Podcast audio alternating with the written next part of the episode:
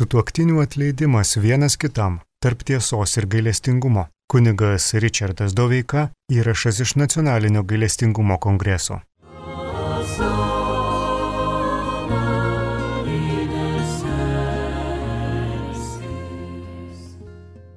Esu labai dėkingas, mėly ir brangus broliai seserys, mėlos šeimos, mėlas jaunime, šios šventovės, saugotojai, globėjai, maldo žmonės, parapijos klebonė, kad galime kartu susirinkti ir apmastyti vieną iš gailestingumo kongresui pateiktų temų. Sutuoktinių atleidimas vienas kitam tarp tiesos ir gailestingumo. Mes galime šiandieną čia susirinkę į savo šeimų gyvenimo ir patirtis pažvelgti tikėjimo žvilgsniu. Ir ne tik galime, bet šiandien mums tai tampa ir būtina. Šiandien mes į šią šventovę, į Nacionalinį gailestingumo kongresą susirenkame iš visos Lietuvos, taigi kiekvienas atsinešame savo asmeninio gyvenimo patirtį, santykių lobyną, džiaugsmus ir rūpeščius, iššūkius ir vargus, viltis ir nusivylimus, lūkesčius ir sudaužytus gyvenimus iš šipulius.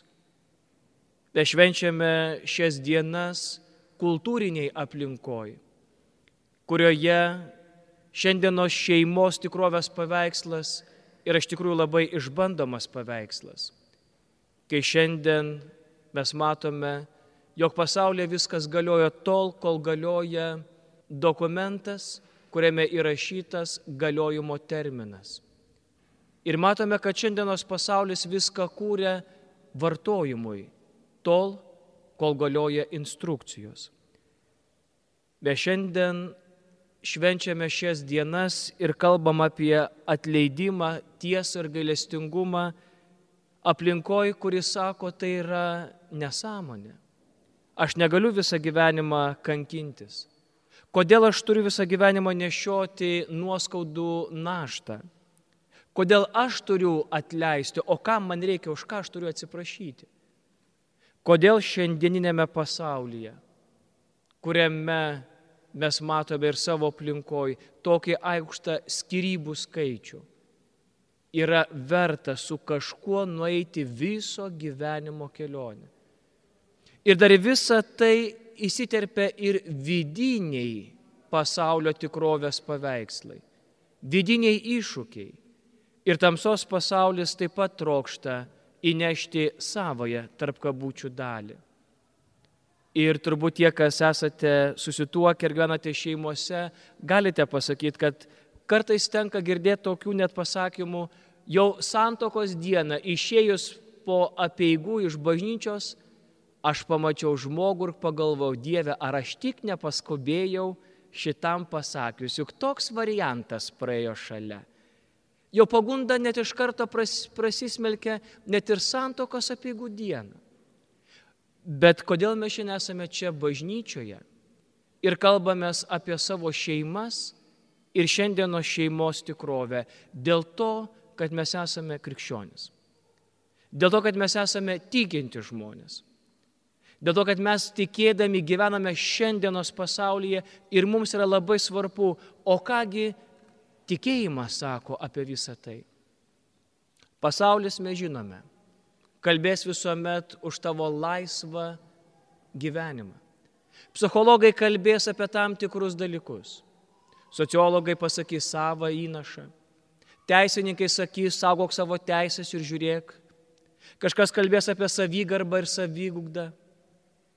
Bet o ką gali pasakyti mūsų tikėjimo bendruomenė? Ir ruoždamas šitą temą, šitą pokalbį, aš bandžiau kelti ir savo šitos klausimus, matydamas bendrystėje su šeimomis, tarnystėje šeimoms, kad yra puikiai proga mums šventovėje susirinkus apie tai pakalbėti. Koks yra sužadėtinių požiūris vienas į kitą iki santokos ir kuo skiriasi įsimylėjimas ir meilė vienas kitam su kokiu vidiniu lobinu, lūkesčiais įžengiama į šeimos gyvenimą. Ir kas nutinka įsiveržus kasdienybei bei tikroviai. Būti santokoj Ar įmanoma išlaikyti aukštai iškeltą jausmų kartelę? Ar jausmų pokyčiai yra krizės ženklas? O kas nutinka, kai aš pradedu nieko nebejausti savo žmogui? O konfliktai, iššūkiai poroje, gimęs kūdikis su negale, ne tas, kurio laukiau gimas, nesutarimai, įžeidimai, fizinis ir psichologinis smurtas, bet turbūt skaudžiausia išdavystė. Bet kokia šiandien keliu klausimą, kiekvienam iš čia susirinkusių yra skaudesnė išdavystė - psichologinė ar fizinė? Kas yra skaudžiau - užgydyti fizinės neištikimybės žaizdas ar psichologinį požiūrį, ignoravimą ir gyvenimą taip, tarsi tavęs šalia manęs nėra. Tu man vaikščiojantis gyvas numirėlis. Kokia skaudesnė išdavystė? Psichologinė, dvasinė, fizinė? Susidūrus su krize, kokie keliai dialogo link? Mes puikiai žinome, kad šiandienos pasaulis nors kalba apie dialogą, bet dviejų žmonių gyvenimuose dialogas būna labai trumpas. Jis dažniausiai apsiriboja apsikeitusiais informacijos kontaktais asmeninių advokatų. Ir koks tas dialogas? Jis dažniausiai būna surašytas prieš vedybinių sutarčių punktuose. Kai mes skirsimės, viskas bus papunkčiui.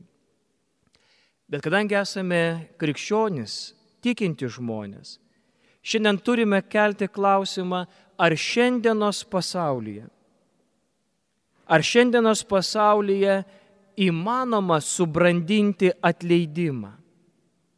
Ar šiandienos pasaulyje įmanoma atleisti ir išsispręsti nuoskaudų sukeltus padarinius.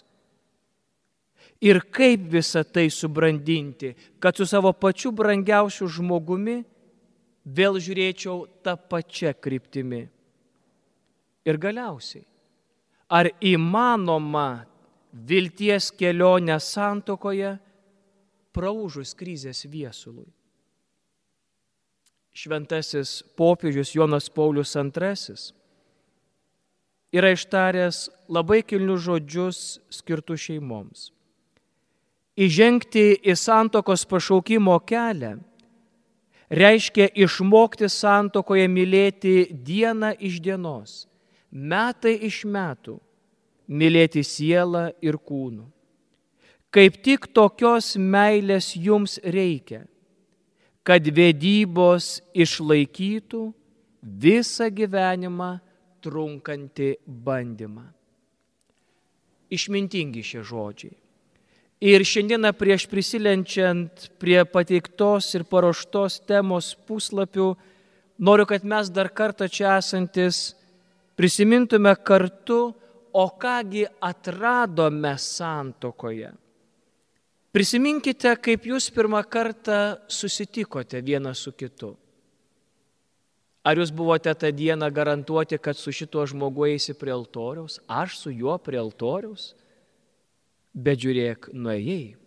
Kokias pirmasias žinutės vienas kitam parašėte, kai pradėjote savo artėjimo kelionę? Jis buvo labai buvo korektiškos, taktiškos, nedrasios.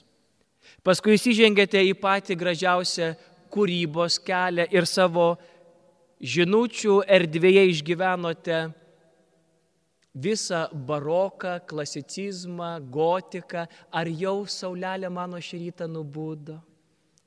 Ar ryto spindulėliai tavo skruostė vėl raudonį padarė? O kaip to šiandien kavytė gėriai su pienu ar be pieno? O nepamirš zuikutį mano, ten viską aš tau sudėjau pusrytukai, pietukai.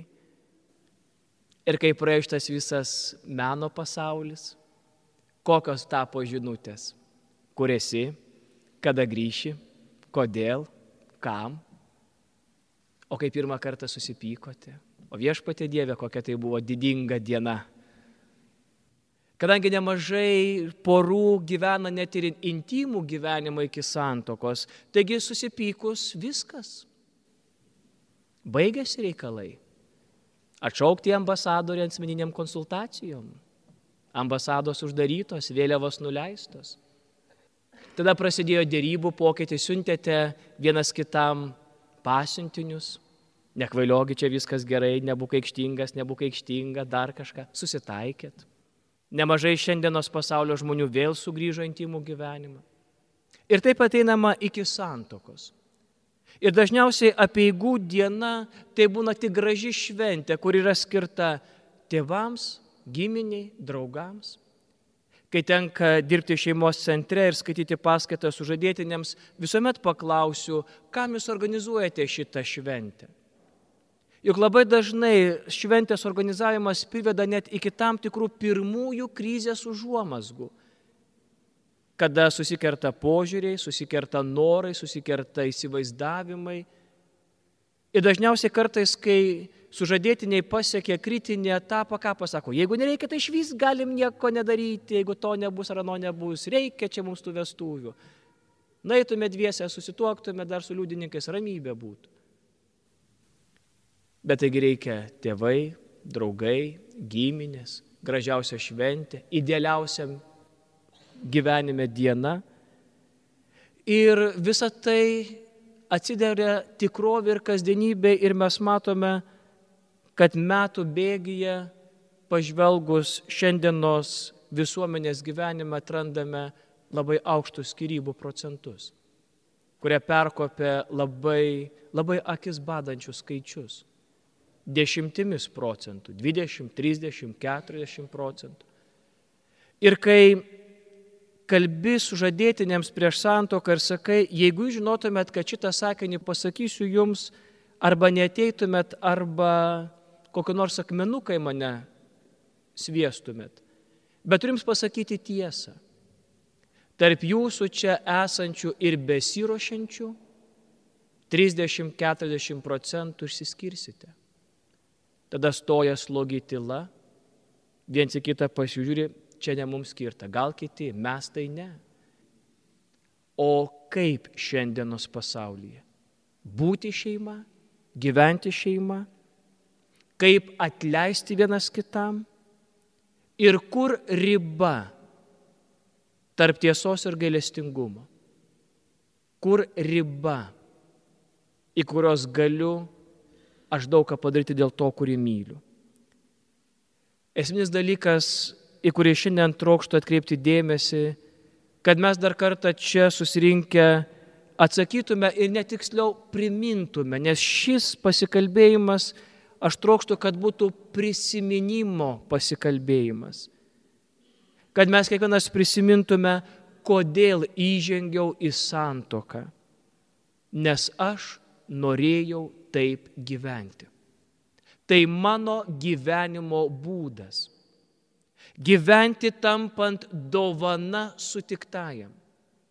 Atsiduoti viskuo, ką turiu ir kas esu Aš trokštų turėti šalia save žmogų, kurio akivaizdu galėčiau būti nuogas ir nesigėdyčiau. Galėčiau mylėti ir patirti meilę, atsiduoti ir būti priimtas. Aš norėjau taip gyventi. Gyvenimo būdas. Bet gyvenimo būdas kyla iš esminio žodžio, kur šiandieną pakankamai aštriai skamba pasaulyje ir yra apgaubtas daugybės klaustukų, ar mano gyvenimo būdas gimė iš pašaukimo.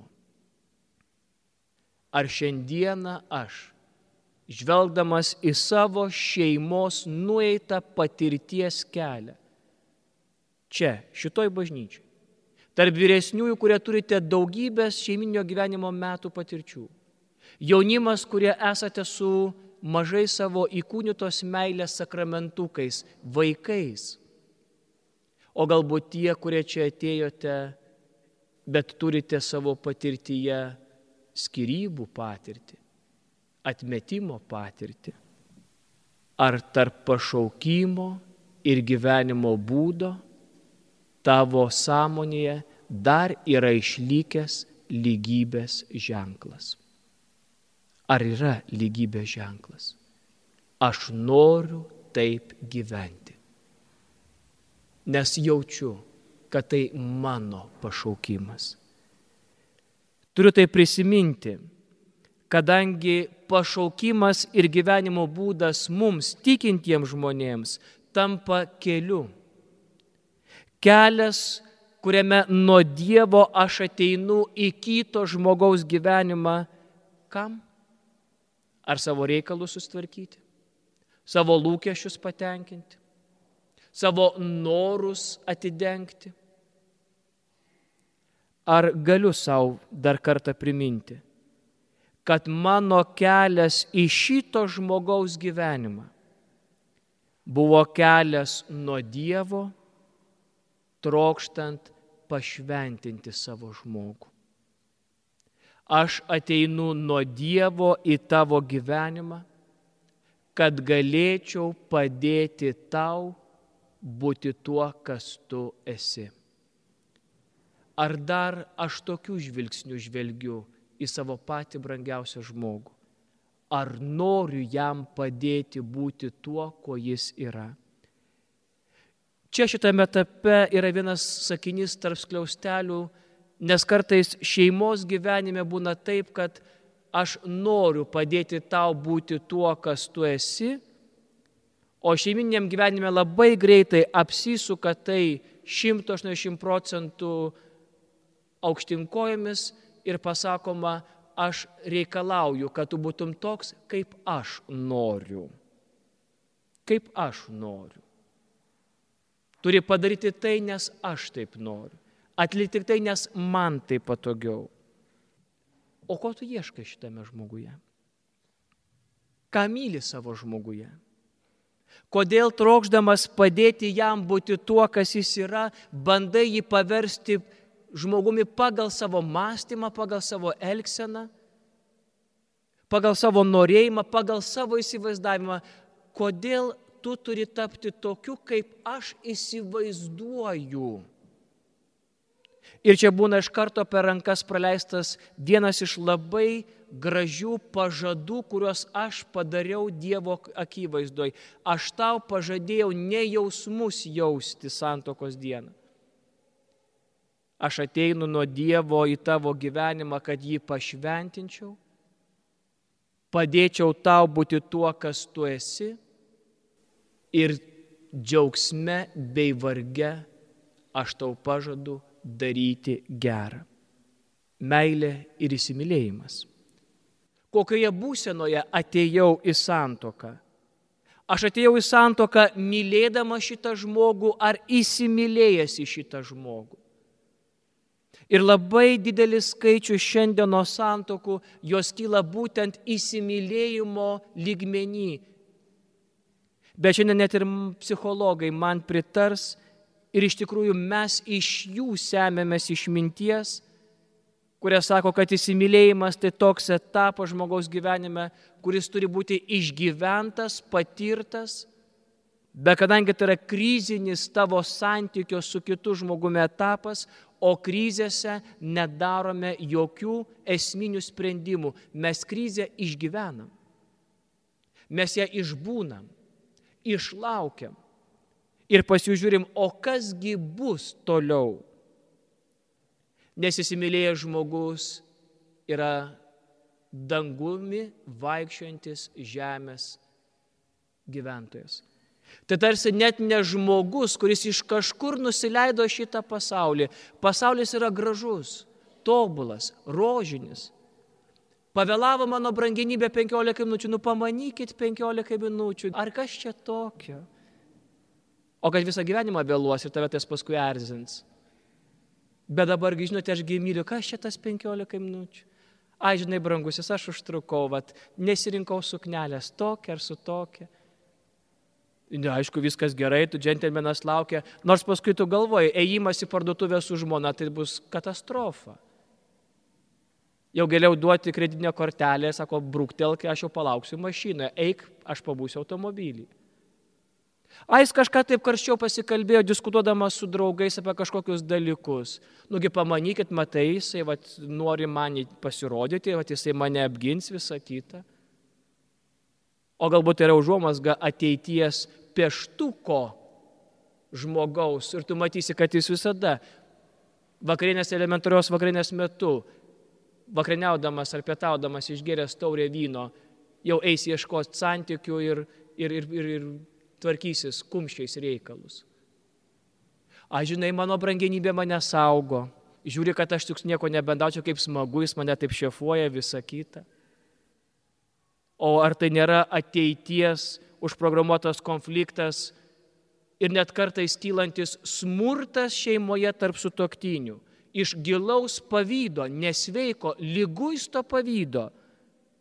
Kai pavydima net netaip šviečiančio stulpo ar net ten jo stovinčio.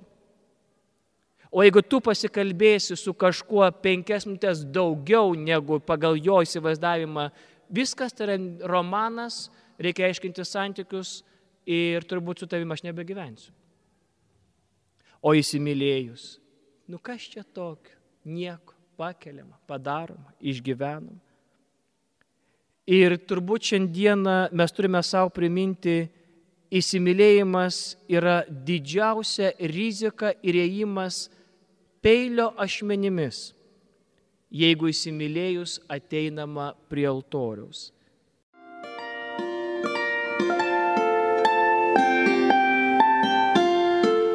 Jūs girdite Marijos radiją.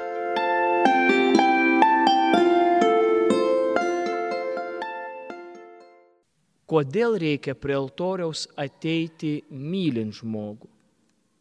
Ką myli savo žmoguje? Ką tu myli šitame žmoguje? Jaunystė praeina, grožis praeina, sveikata praeina. Ką myli šitame žmoguje? Norėdama atsakyti į klausimą, ką myliu savo žmoguje, turiu kelti klausimą, ko man reikia iš šito žmogaus. Ko man reikia? Aš ieškau žmogaus, kuris mane suprastų. Žiūrėk, mes viens kitą suprantam iš pusės žodžių. Radau. Aš ieškau žmogaus, už kurio stovėčiaus ir jaučiaus labai tvirtai. Žinai, aš šalia tavęs esu saugiausias žmogus pasaulyje. Radau. Aš ieškau žmogaus, su kurio galėčiau patirti asmeninio kūno nuogumą. Ir man tinka tavasis kūno nuogumas. Aš radau. Ir jeigu viską aš radau, ko ieškojau tavyje, tai ko man dar reikia? Nieko. Nes jeigu aš būčiau kažko neradęs, su tavim prie altoriaus neįčiau. Ir jeigu aš viską radau, ko ieškau tavyje, ar nėra kelias prieiti prie savo žmogaus ir jo paklausti, brangusis brangioji, ar tu radai tai ir manyje irgi? Ar tu radai manyje tai irgi? Saugumą, stabilumą, supratimą, kūno nuogumo poreikį. Ar tu taip pat radai manyje? Ir jeigu mes vienas kitame tai atrandame, to, ko ieškojome, noriu dar kartą, kad mes savo čia esančiose šeimose prisimintume, ar aš galiu šitą žmogų mylėti už nieką. Už ką aš tave myliu? Už nieką. Kodėl? Nes tu man rūpi. O rūpi man todėl, kad aš visko, ko ieškojau, tavyje šiandien esu atradęs. Ar tu gali savo patį brangiausią žmogų mylėti už nieką? Nes mylint už nieką yra didžiausia tarnystė savo žmogui padėti jam išlikti pačiu savimi ir geriausia prevencinė priemonė - suasmendinti savo žmogų ir jį paversti žmogumi pagal savo pageidavimą. Kartais tenka girdėti žodžius, ypatingai konfliktų metu, kai viena iš konfliktuojančių pusių atsidūsta ir pasako, aš dėl šito žmogaus padariau viską. Aš viską padariau dėl tavęs užauginau vaikus, aukojausi, atsisakiau karjeros, daugelio galimybių. Aš viską padariau dėl tavęs, nešiau viską namo, tvarkiau, dariau, rūpinausi, prižiūrėjau, tavo tėvus nuslaugiau, giminiai bandžiau įtikti. Aš viską padariau dėl tavęs, o tu? O tu? O čia Atsakymą noriu įdėti vieną sakinėlį, kuris gal šiek tiek ir suteiks šypsenos, o gal dar giliau padės mums susimastyti. Į klausimą, aš viską padariau dėl tavęs, o tu. Čia mano kaip kunigo klausimas. O ar tu paklausiai savo žmogaus, ar jam reikėjo ir tinka viską, ką tu padarėjai? Ar jis prašė tave šito? Jam reikėjo šito iš tavęs? Kad aš čia pasaulio ant žemės pakeičiau, tai čia tavo problemos. Keisk. O ar tu to savo žmogaus paklausi, ar tinka? Ar tu to nori? Ir mes prieiname labai svarbų momentą. Kiek mes esame pasiryžę vienas kitą mylėti už nieką, bei džiaugsme ir varge daryti gerą. Vedu visas šitas mintis būtent prie žvilgsnio į atleidimą, į krizės ir į brandą santokoje. Bet noriu čia, kaip šiandien tikinčių žmonių, dar kartą paklausti kiek esi pasiruošęs prisijimti atsakomybę už savo patį brangiausią žmogų. Kovoti už savo žmogų. Nes patekti santokinį vargą, džiaugsmė ir vargė aš tavęs neapleisiu, yra patekti į labai didelę bėdą. Mes savo visuomenėje, savam krašte labai dažnai santokinį vargą matome tik tai kaip lygos paveikslą. Gerai, kai sirksi, prižiūrėsiu. Vandens stiklinę atnešiu, pakeisiu palutes po tavim, bežiūrėk, čia ilgai mane temk. Čia 10-20 metų man čia nesivartyk. Arba arba. Tik tiek. O jeigu šiandieną mes praplėstume Dievo akivaizdoj šito vargo sampratą, ateitų tavo žmogus ir pasakytų, įsimylėjau aš į kitą.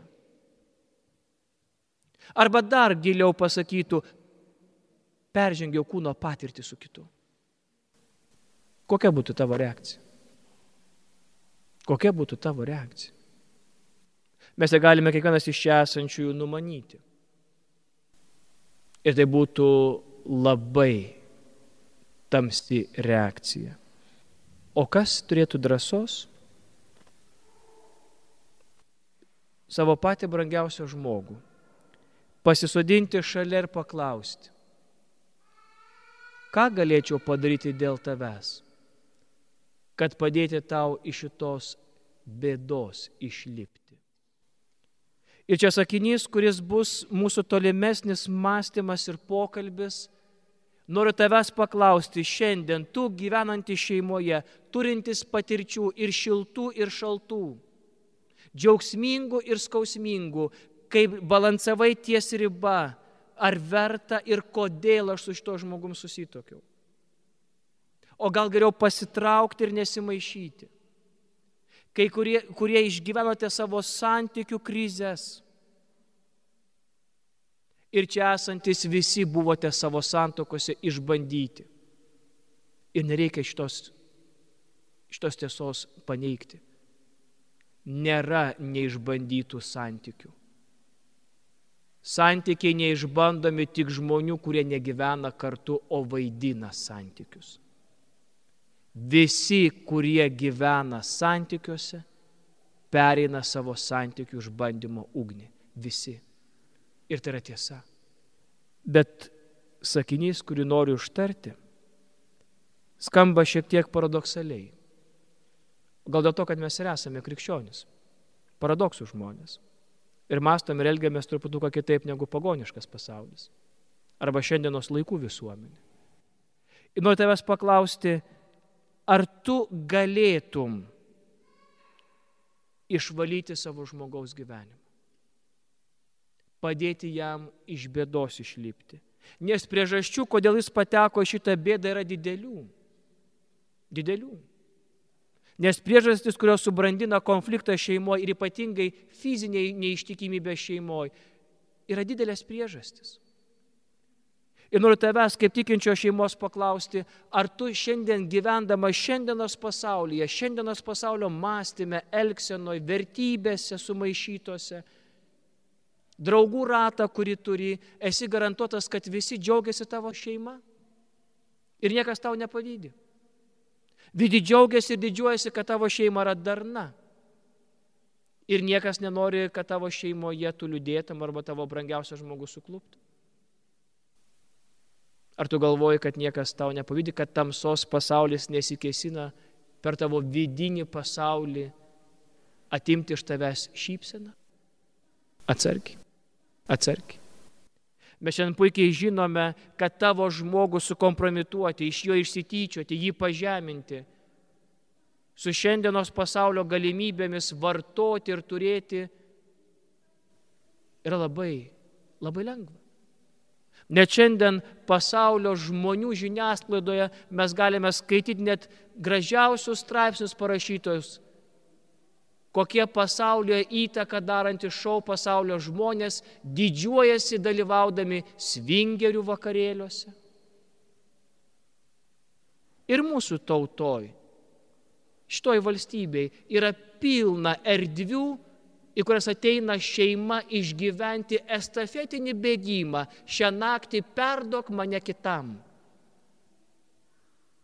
Ir ryte būdaidami kalbasi, kiek kartų buvai perduotas ir kiek kartų buvai priimtas. Neblogai sekėsi, neblogai. Šiandieną išsityčioti iš tavo žmogaus yra tik tai kelių lašelių reikalas į paduotą stiklinę su gėrimu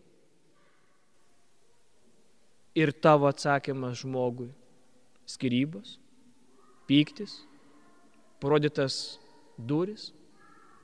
Kiekvieną kartą, kai tu savo dviem šiom rankom iškopi paties brangiausio žmogaus gyvenimą, niekada savo rankų nesusitepsi. Kiekvieną kartą kai savo rankomis iškopi savo žmogaus gyvenimo mėšlą, niekada savo rankų nesusitepsi. Nes būtent tokioje akimirkoje tavo žmogus ir pasirodo kaip tas, kuri verta mylėti už nieką. Krizė parodo, ar aš drasus mylėti žmogų už nieką. Konfliktas atidengia, ar aš drasus mylėti savo žmogų už nieką.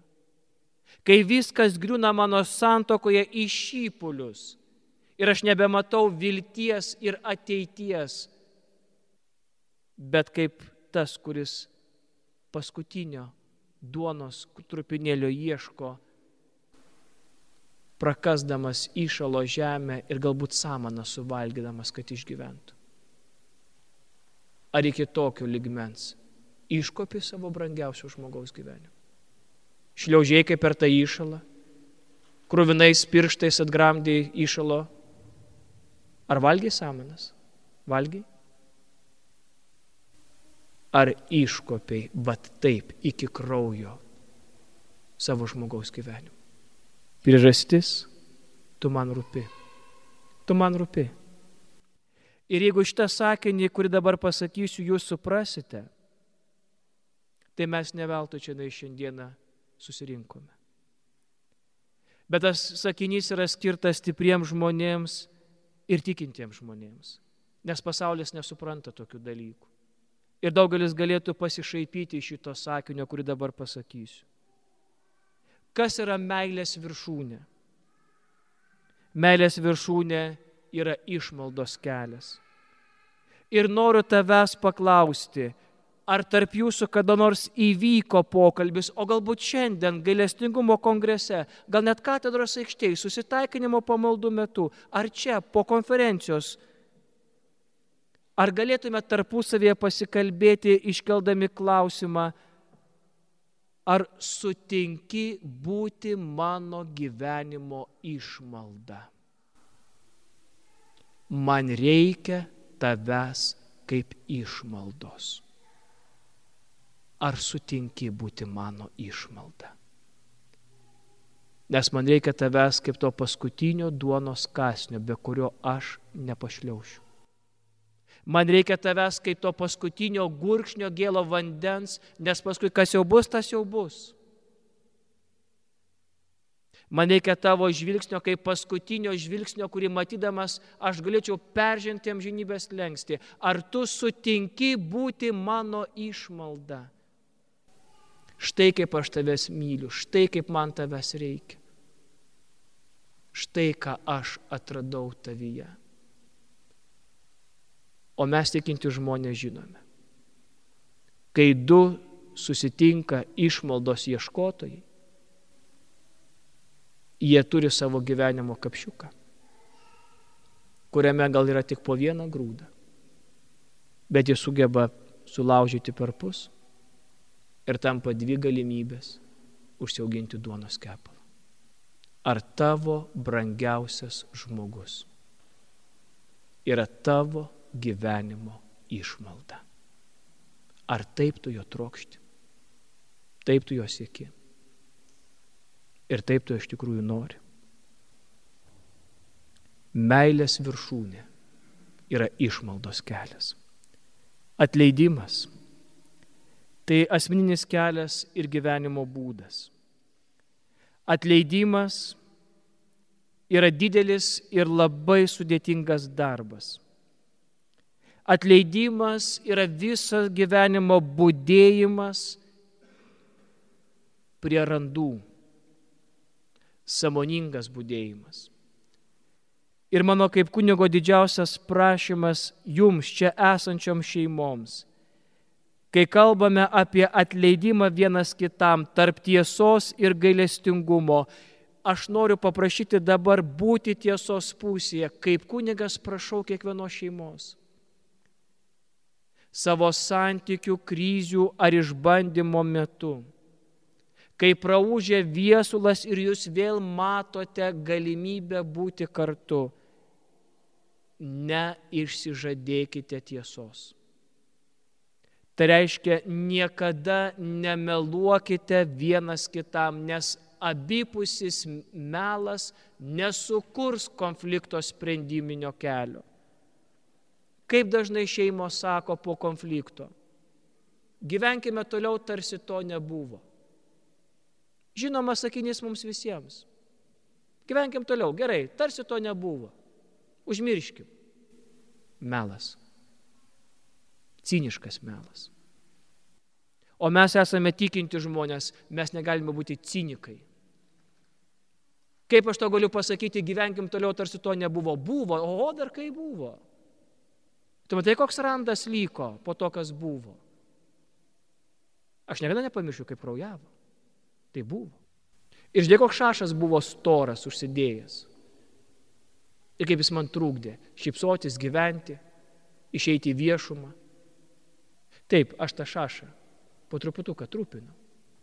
Ir vėl kraujavo. Ir vėl šašas augo. Taip šašai nukrinta, lieka žymės. Taip, galime nueiti pas plastikos chirurgą, mes galime tepaliukais patepti. Galime žiūrėti ir susidraugauti, nu visai neblogai man tas reikaliukas tinka. Bet jis yra. Ir jis laiką išliks. Visą laiką pažvelgęs į tą vietą aš matysiu, kaip kraujavo, kaip skaudėjo ir kaip ilgai gyjo. Čia yra sutoktinių tiesa. Bet kadangi aš žinau, kas įvyko mūsų santykiuose. Ir aš žinau, kaip skaudėjo mums abiems.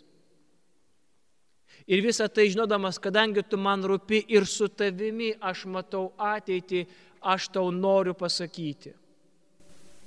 Atleidžiu. Bet nesuvaidinti pasakymą, o iš tikrųjų atleisti.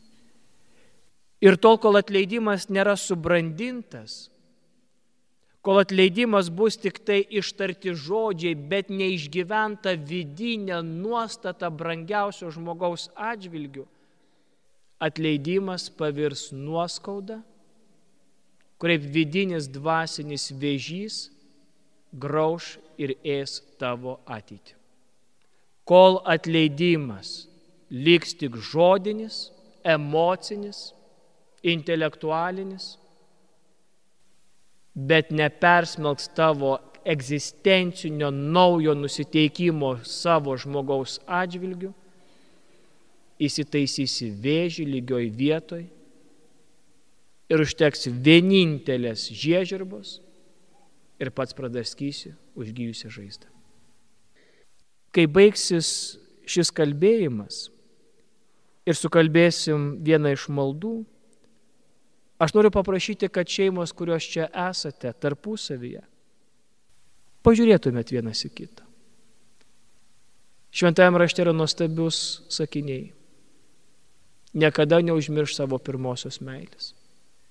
Neužmirš to, kuriam pažadėjai, mylėsiu ir iki mirties tavęs nepleisiu. Pažvelkit vienas į kitą. Atraskit vienas kitame tą ateities ir vilties šaltinį, tą netobulą žmogų, kurį tu bandyk tobulai mylėti bet atsisakykite poreikio iš savo žmogaus pasigaminti antrąjį aš. Negamink iš jo antrojo aš. Padėk jam būti pačiu savimi.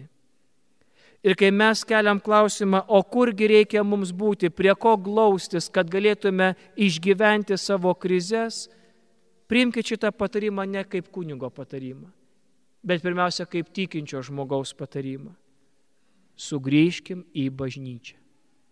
Sugrįžkim. Sugrįžkim į bažnyčią ir semkime iš dviejų tūkstančių metų lobyno. Išminties, maldos, filosofijos, teologijos, dvasingumo. Dviejų tūkstančių metų lobynas laukia kiekvieno iš mūsų. Kalbėti, diskutuoti, nagrinėti ir duoti atsakymą. O atsakymą noriu nuoširdžiai palinkėti, kad šiandien duotume Vilniaus miestui, kas esate čia su šeimomis, praleiskit visą dieną šiandien susikabinę rankomis. Nesigėdykit vienas kito. Nesigėdykit.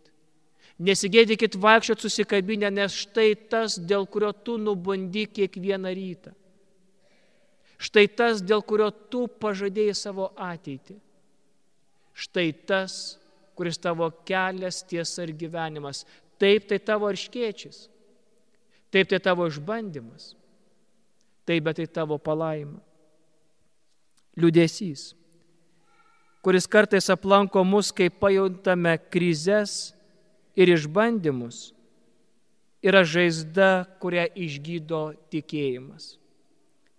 Ir noriu nuoširdžiai palinkėti tikėti vienas kitu pasitikėti vienas kitu. Ir neveltui mažasis princas Egziupery apsakymę nusijuokęs pasakė, ir kai tau praeis liudesys, o liudesys visada praeina, tu džiaugsiesi, kad mane pažinojai. Ir noriu visom šeimom nuoširdžiai palinkėti, kai jūs abu padedat vienas kitam išlipti iš rūpešių ir skaudulių, o visa tai visada praeina.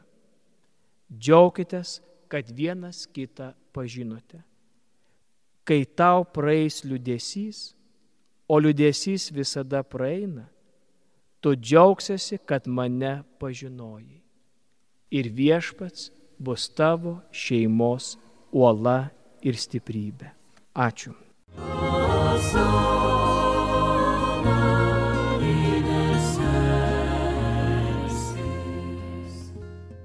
Kalbėjo kunigas Richardas Doveika. Tema - sutuoktinių atleidimas vienas kitam tarp tiesos ir gailestingumo. Įrašas iš Nacionalinio gailestingumo kongreso.